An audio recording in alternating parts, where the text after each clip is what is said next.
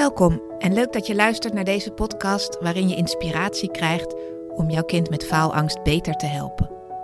Mijn naam is Mariette Diets en samen zorgen we ervoor dat jouw kind een fijnere schooltijd krijgt.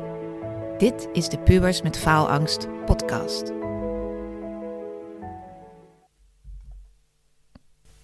Hey, in deze aflevering wil ik wat meer gaan praten over de invloed van een familiesysteem, dus ouders, grootouders, familie, op de faalangst bij een kind.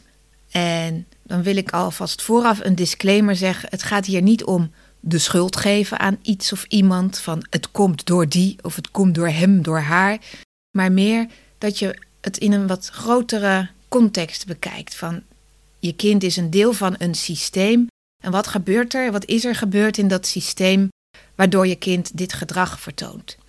En alleen al het inzicht dat het ergens vandaan kan komen, kan je kind al wat meer ruimte geven om wat minder gestrest te doen.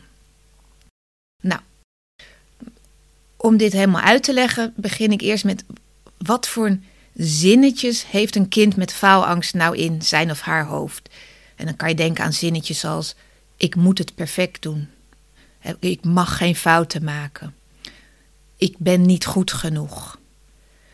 Ehm, ik heb geen vertrouwen in mezelf. Ik hoor er niet bij. Dat zijn van die zinnetjes die in een kind zijn computertje kunnen zijn gesleten door ervaringen in het verleden, door hoe mensen er tegen gepraat hebben of door iets wat onbewust is doorgegeven door familie. En misschien, toen ik ze net zo zei, dit soort zinnetjes, herkende je er ook een paar dat je die zelf wel eens denkt. Van het moet wel goed gaan. Ik mag het niet verkeerd doen of het moet perfect. Sommige mensen herkennen dat ook wel bij zichzelf en dan balen ze extra dat een kind dat ook heeft. En het is niet zo gek dat je kind dat ook heeft, want je kind doet jou, doet jou gewoon na. Die wordt door jou gevoed, hoe erg dat ook is. Dus het is goed om te beseffen waar het dan vandaan komt. Want als jij het dan bij jezelf wat meer op kan lossen, wat meer plek kan geven, want daar gaat deze aflevering over, dan lost dat ook weer een hoop bij je kind op. Dus dit soort zinnetjes worden wel eens gezegd, maar vaker wordt het onbewust doorgegeven. En om het beter uit te leggen, maak ik even een zijstapje van wat gebeurt er nou in zo'n familieopstelling? Um, waarom is zo'n familiesysteem nou zo belangrijk? Een familiesysteem bestaat natuurlijk uit familie. Denk aan jouw kinderen, die staan zeg maar vooraan. Daarachter sta jij met, de, de met je ex-partner of partner, met in ieder geval net de, de vader of moeder van die kinderen. Dus de andere ouder. De twee ouders staan achter de kinderen. Achter jou staan jouw ouders. En achter de andere ouder staan zijn of haar ouders.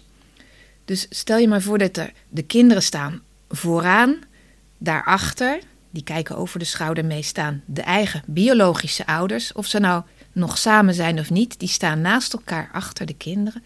En achter elke ouder staat weer zijn of haar eigen systeem, dus de eigen ouders. Dat is de volgorde in een systeem en dat is de volgorde die rust, evenwicht en balans geeft. Maar dat is de ideale wereld.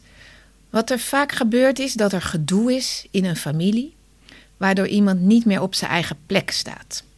En er zijn twee bewegingen van een plek afgaan die invloed hebben op faalangst bij een kind.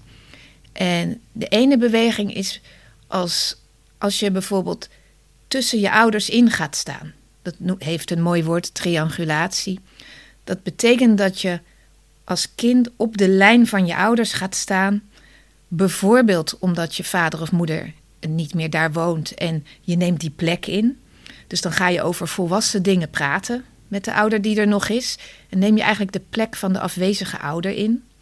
Dat gebeurt vaak, zeker bij echtscheidingen of afwezige vaders, maar ook, of moeders natuurlijk, maar ook als het door ziekte, depressie, daar een plek leeg is gekomen. Gaat een kind, die wordt daar zeg maar heen gezogen om die plek in te nemen. Dat is een soort onbewuste beweging. En je herkent het aan een volwassen manier van praten, een serieuze rol.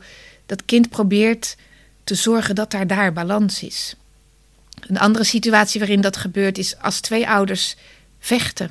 Als er scheiding is, als er ruzie is, als er gedoe is, dan gaat dat kind daartussen staan en de boel proberen te redden, mentaal. Dus die probeert of die ouders uit elkaar te halen, zodat ze elkaar niet de kop inslaan, of probeert ze juist bij elkaar te houden, want ze horen nog wel bij het systeem. Ook al is er ruzie of is er een vechtscheiding aan de gang.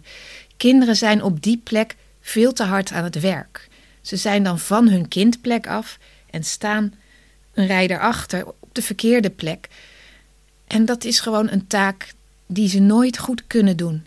Ze krijgen dan een soort intern programmaatje van: ik moet zorgen dat de boel gered wordt, ik moet de boel bij elkaar houden, ik moet zorgen dat dit allemaal uh, goed blijft gaan. En dat lukt nooit. En dat geeft zo'n onbestemd gevoel mee aan een kind van ik doe het niet goed genoeg, ik ben niet goed genoeg. Dat noemen ze ook wel een kindillusie. Want natuurlijk kan je dat als kind niet fixen, maar je hebt wel die illusie dat je dat moet doen, onbewust. En dat gaat dan doorwerken in een kind op hele andere vlakken. Op vlakken met school, met vriendschappen, met presentaties en zo. Dus deze beweging triangulatie is als je als kind op de plek tussen je ouders gaat staan. Dus de plek daarachter waar een van de ouders niet helemaal meer op zijn plek staat vaak. Er is nog een andere beweging die een kind gaat maken. En dat is als een kind helemaal achter de ouders gaat staan, de plek van opa of oma eigenlijk, om voor een ouder te zorgen. En dit zie je vaak bij een depressieve vader of moeder. Iets waar mentaal niet, iets niet klopt of iets. Uh, het gaat gewoon niet goed met een van de ouders. En een kind voelt dan een neiging om daarachter te gaan staan, om ervoor te zorgen. Om voor die ouder te zorgen, voor de rest van het gezin, voor de broertjes en zusjes die er nog zijn.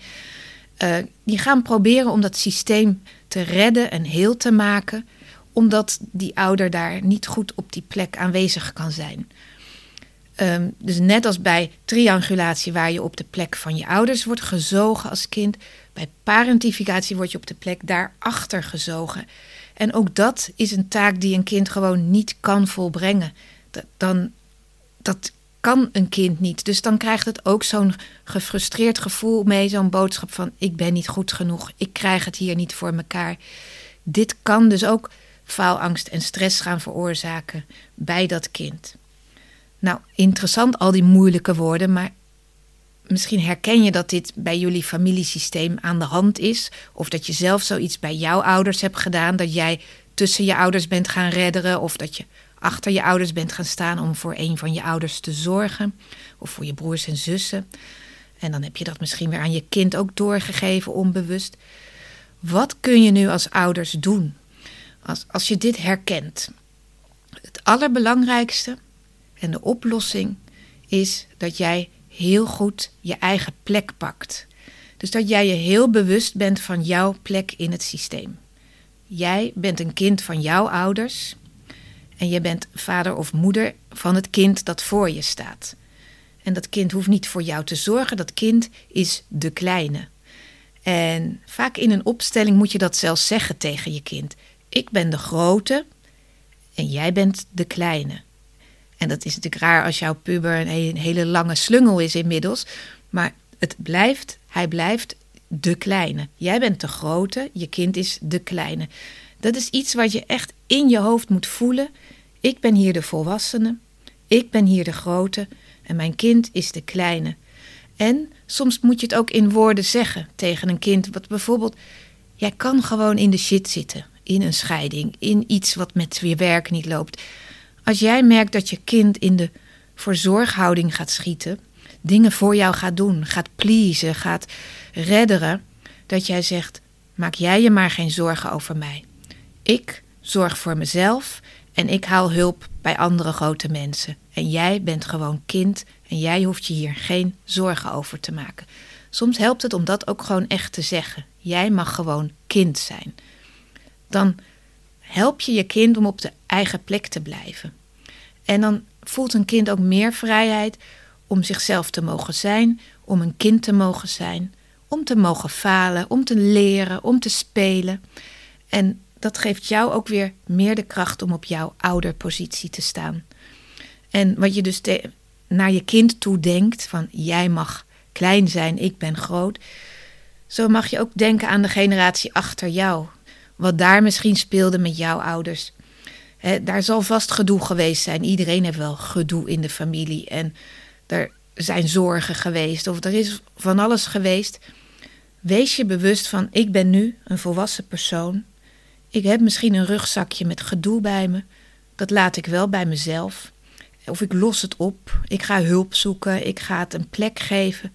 En ik geef dit niet door aan mijn kinderen. Dus ik doorbreek die keten die misschien al van generatie op generatie is doorgegeven. Ik stop het hier. Ik ben nu volwassen en mijn kind is mijn kind.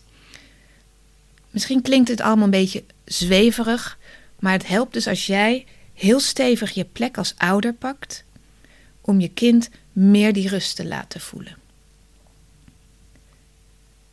Nou, ik kan hier nog meer over vertellen, maar ik denk dat het voor deze aflevering nu even genoeg is. Even samenvattend. Faalangst wordt veroorzaakt door bepaalde zinnetjes die op de harde schijf van je kind geprogrammeerd staan. Ik moet het goed doen, ik mag geen fouten maken. Het moet perfect gaan. Ik moet erbij horen. Ik moet. Hè, je hoort het al aan dat moeten. Dat zijn een soort regeltjes die je kind bewust of onbewust heeft meegekregen. Vaak vanuit een systeem. Het, eh, misschien herken je ze ook bij jezelf. Onderzoek eens hoe dat in jullie systeem is.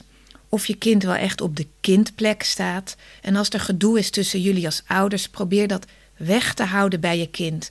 Dat je kind gewoon geen keuzes daarin hoeft te maken qua loyaliteit. Dat je kind gewoon kind mag zijn. Dat, wat ik nog vergat te zeggen, dat jij de andere ouder van je kind ook gewoon oké vindt. Want als daar afkeuring zit, jij vindt iets van je ex-partner niet oké of die ex-partner van jou, dan geeft dat ook in een kind een half gevoel van de helft van mijn genen is niet oké. Dus probeer daar stappen in te zetten. Dat, jij, dat je kind daardoor heel kan zijn en gewoon kind kan zijn. En jij pakt je plek als ouder en je, ja, je wordt je extra bewust van jouw plek tussen jouw ouders achter je en je kind of kinderen die voor je staan. Als je dat gaat oefenen, gaat dat veel rust in het systeem brengen. En dan zal je merken dat je kind ook relaxter omgaat met moeilijke dingen. Dankjewel voor het luisteren en tot de volgende keer. Bedankt weer voor het luisteren naar de Pubers met Faalangst podcast. Wil je met mij sparren over jullie situatie? Dan kun je altijd een gratis kennismakingsgesprek inplannen via www.dietscoaching.nl. Vind je deze podcast interessant? Abonneer je dan en geef hem een goede review. Dat helpt mij enorm om nog meer ouders te bereiken.